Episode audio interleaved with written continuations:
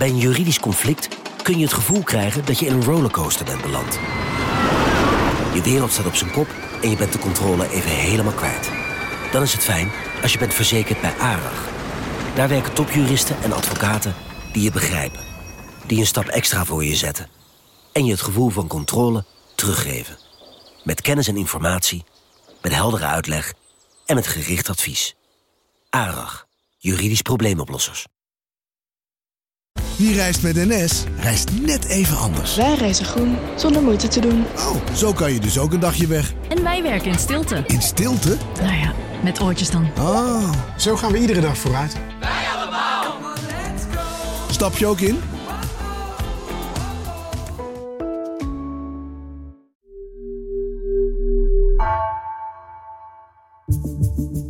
Vanaf de redactie van NRC het verhaal van vandaag. Mijn naam is Floor Boon.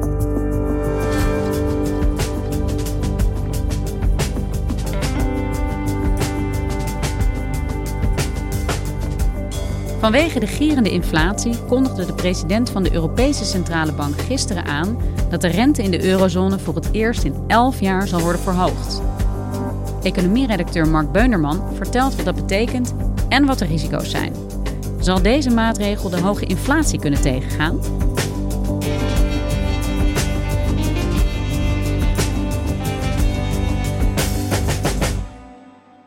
High inflation is a major challenge for all of us.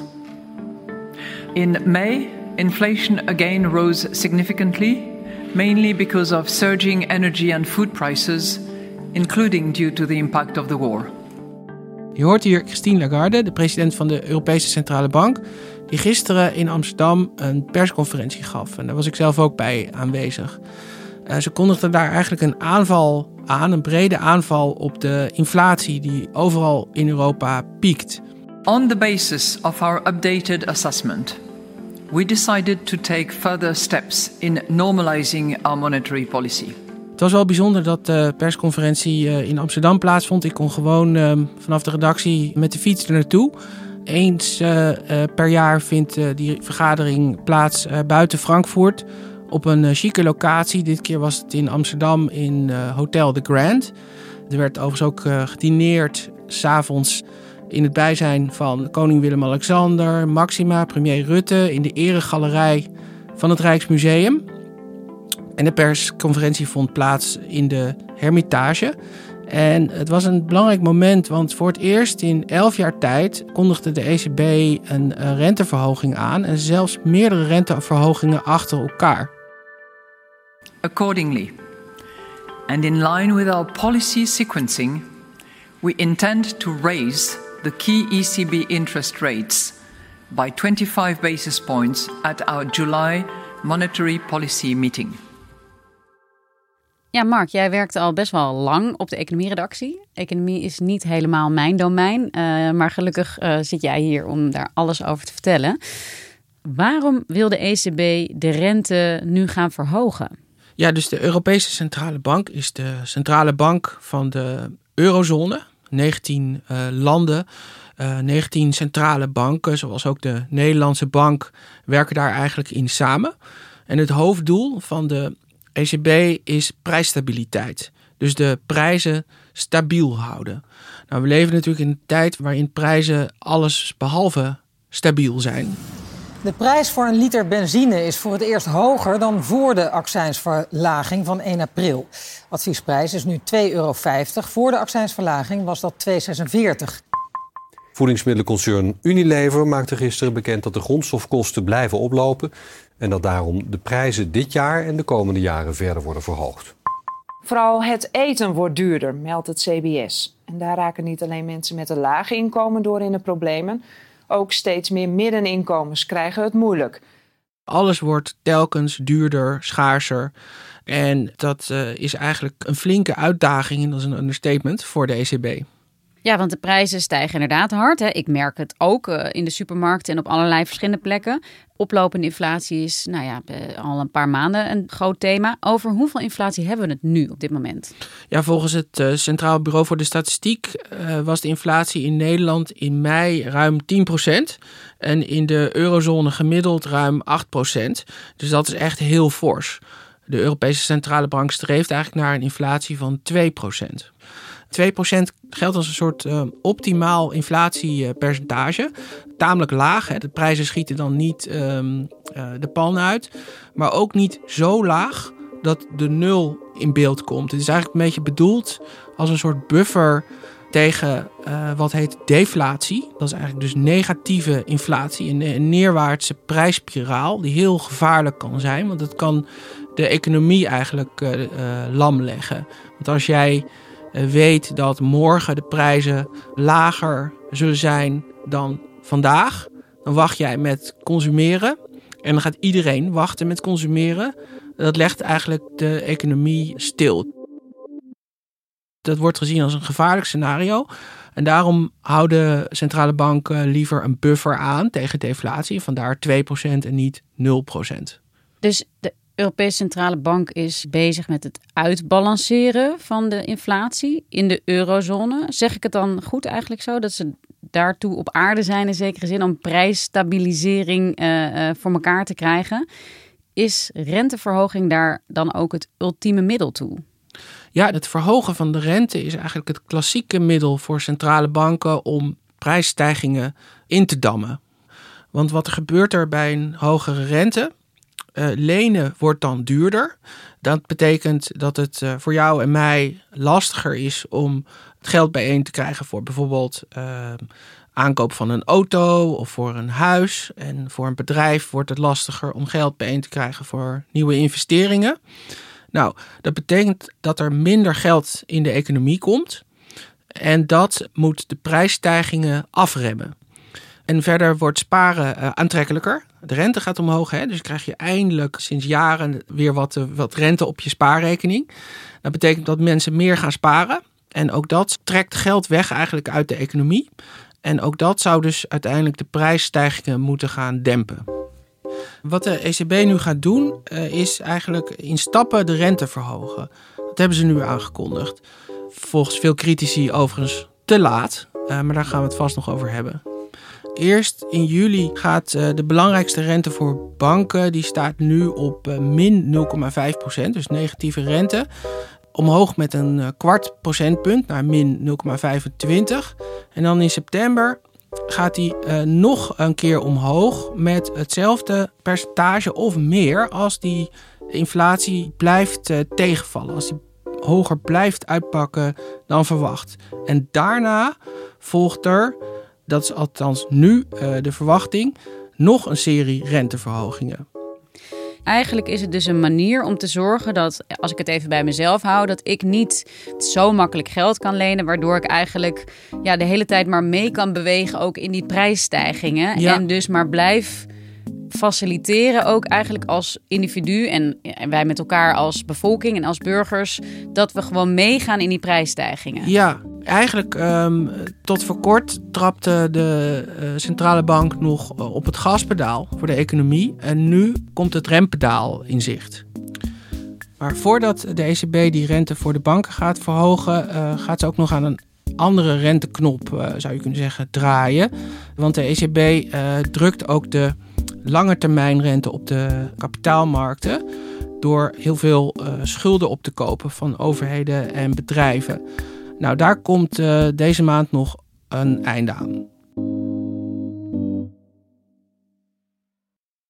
En eerder zei je, Mark, dat dit voor het eerst is in elf jaar dat de rente wordt verhoogd. Net zei je ook al van, uh, hè, er zijn altijd geluiden geweest dat dit misschien wel veel eerder had moeten gebeuren. Hoe zit dat? Ja, de ECB heeft eigenlijk nog meer dan andere centrale banken, denk ik, moeite om zich aan te passen aan de nieuwe realiteit van de inflatie. Die inflatie komt eigenlijk door twee schokken van de afgelopen tijd. Dat is uh, de coronapandemie en de uh, oorlog in Oekraïne. En het is heel lastig gebleken om goed in te schatten of dat nou uh, betekende dat er wat inflatie was die gewoon tijdelijk was. He, Lagarde noemen het eind vorig jaar een hobbeltje nog. In december zei ze dat nog dat het heel onwaarschijnlijk uh, was dat de ECB dit jaar in 2022 de rente zou gaan verhogen. Under the present circumstances, as I have said before, it is very unlikely that it that we will raise interest rates in the year 2022. That still stands. Eigenlijk heeft de ECB met name best wel lang de kat uit de boom gekeken. Vanuit het idee van ja, die inflatie gaat wel weer voorbij. We passen het beleid wel een beetje aan. Uh, maar voor de rest houden we het min of meer bij hetzelfde. Nou, dat idee dat die inflatie zomaar voorbij zou gaan, is toch echt wel een misrekening gebleken.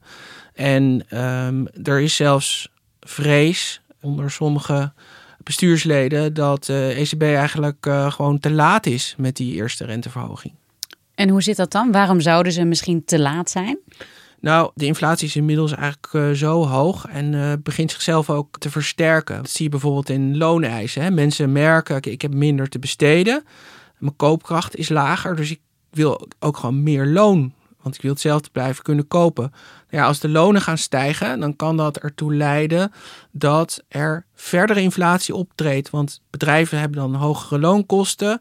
Die moeten dat ook ja, weer compenseren voor zichzelf om de winst op peil te houden. Dus dan kunnen de kosten van producten uh, verder gaan stijgen. Dan heb je dus eigenlijk weer, weer nieuwe inflatie. Dat heet een loonprijsspiraal. Dat is eigenlijk best wel gevaarlijk. En idealiter was je dat als centrale bank voor geweest.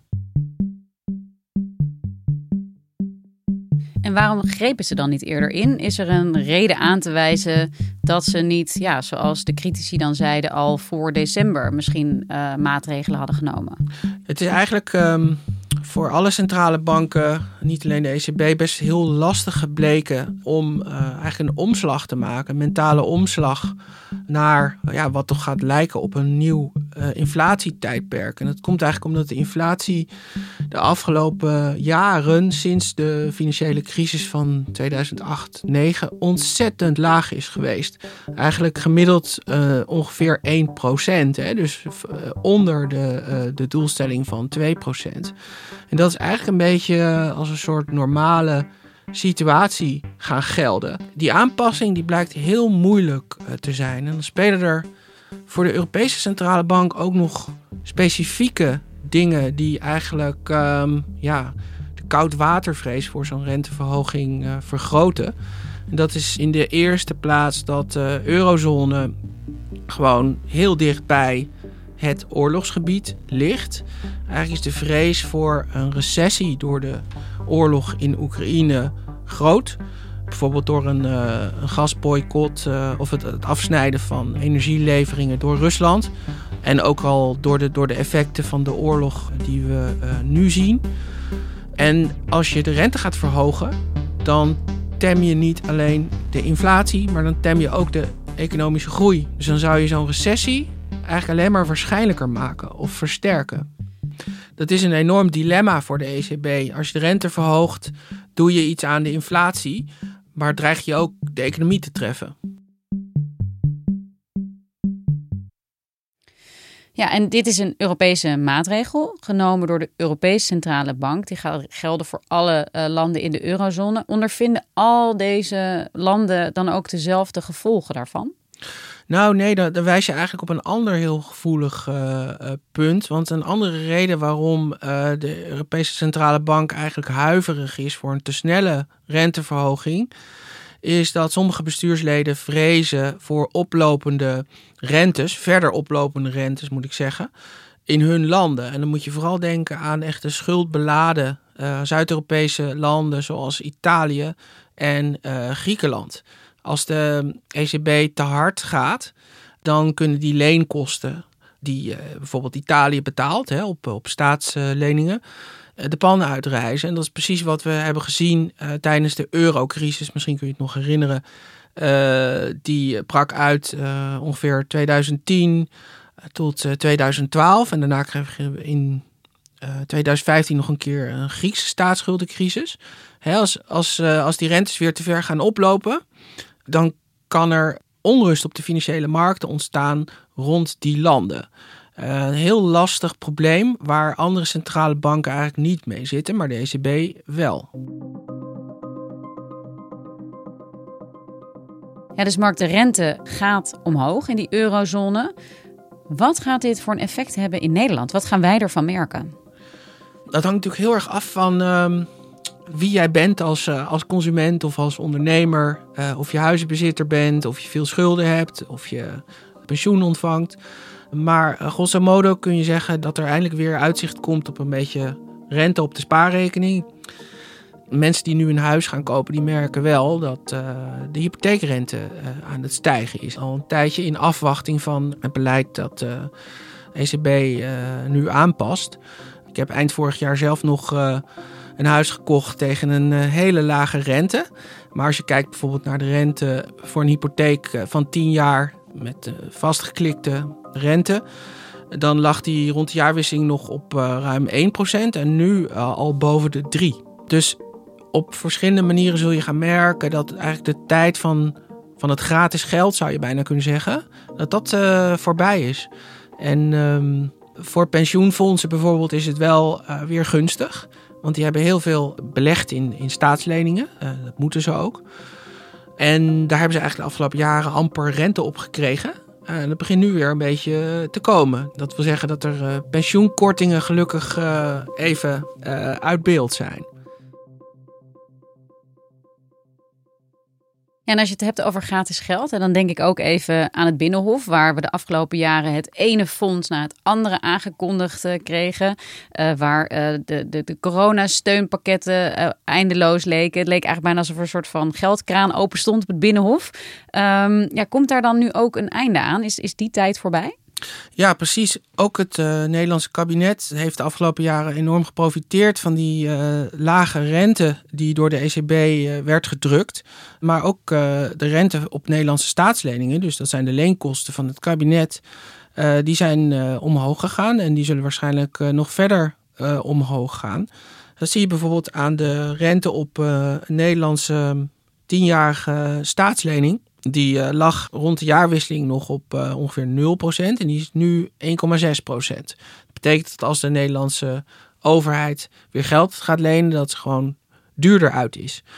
Uh, nou ja, eigenlijk dat regeerakkoord van eind vorig jaar is nog heel erg in de geest van een beetje het vorige tijdperk, zou je kunnen zeggen. Het tijdperk van het gratis geld. Hè. Je noemde het al, miljardenfondsen voor klimaat, stikstof, innovatie, enorme investeringen in het onderwijs.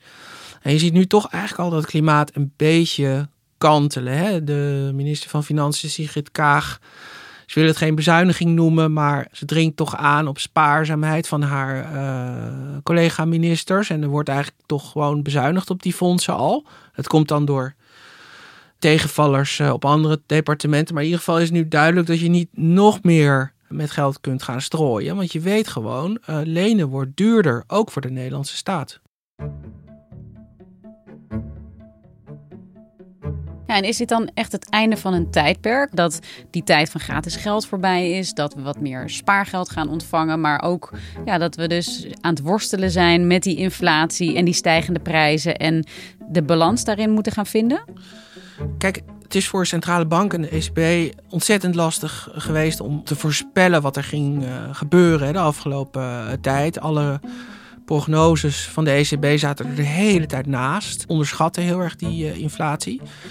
Ja, voor mij is het net zo lastig hè, om, om te gaan voorspellen wat er gaat gebeuren met die inflatie. Maar laten we zeggen, de onderliggende factoren die daartoe leiden, krapte op allerlei plekken.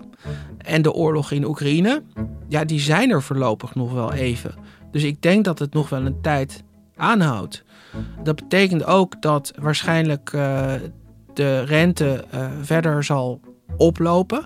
Hoe lang dit allemaal duurt, niemand die het weet. Maar het is wel duidelijk dat dit niet vanzelf voorbij gaat. Dus je zult op allerlei manieren gaan merken dat die rente stijgt. En vooral zul je de komende tijd wel merken dat uh, de prijzen blijven stijgen. Of althans um, zo hoog blijven als ze lange tijd niet geweest zijn. Dankjewel, Mark. Graag gedaan.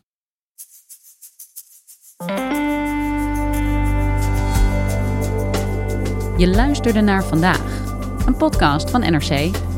Eén verhaal, elke dag. Deze aflevering werd gemaakt door Wijk van Koolwijk en Jan-Paul de Bond. Dit was vandaag, maandag weer.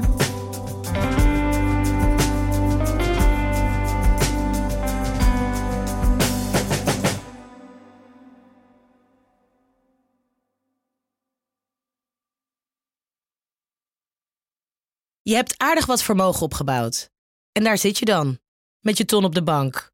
Wel een beetje saai, hè? Wil jij, als belegger, onderdeel zijn van het verleden of van de toekomst? Bridgefund is een slimme fintech die een brug slaat tussen de financiële behoeften van ondernemers en van beleggers.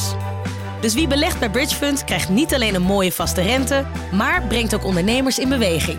Echt waar, met die ton kan je zoveel betere dingen doen. Bridgefund. Make money smile.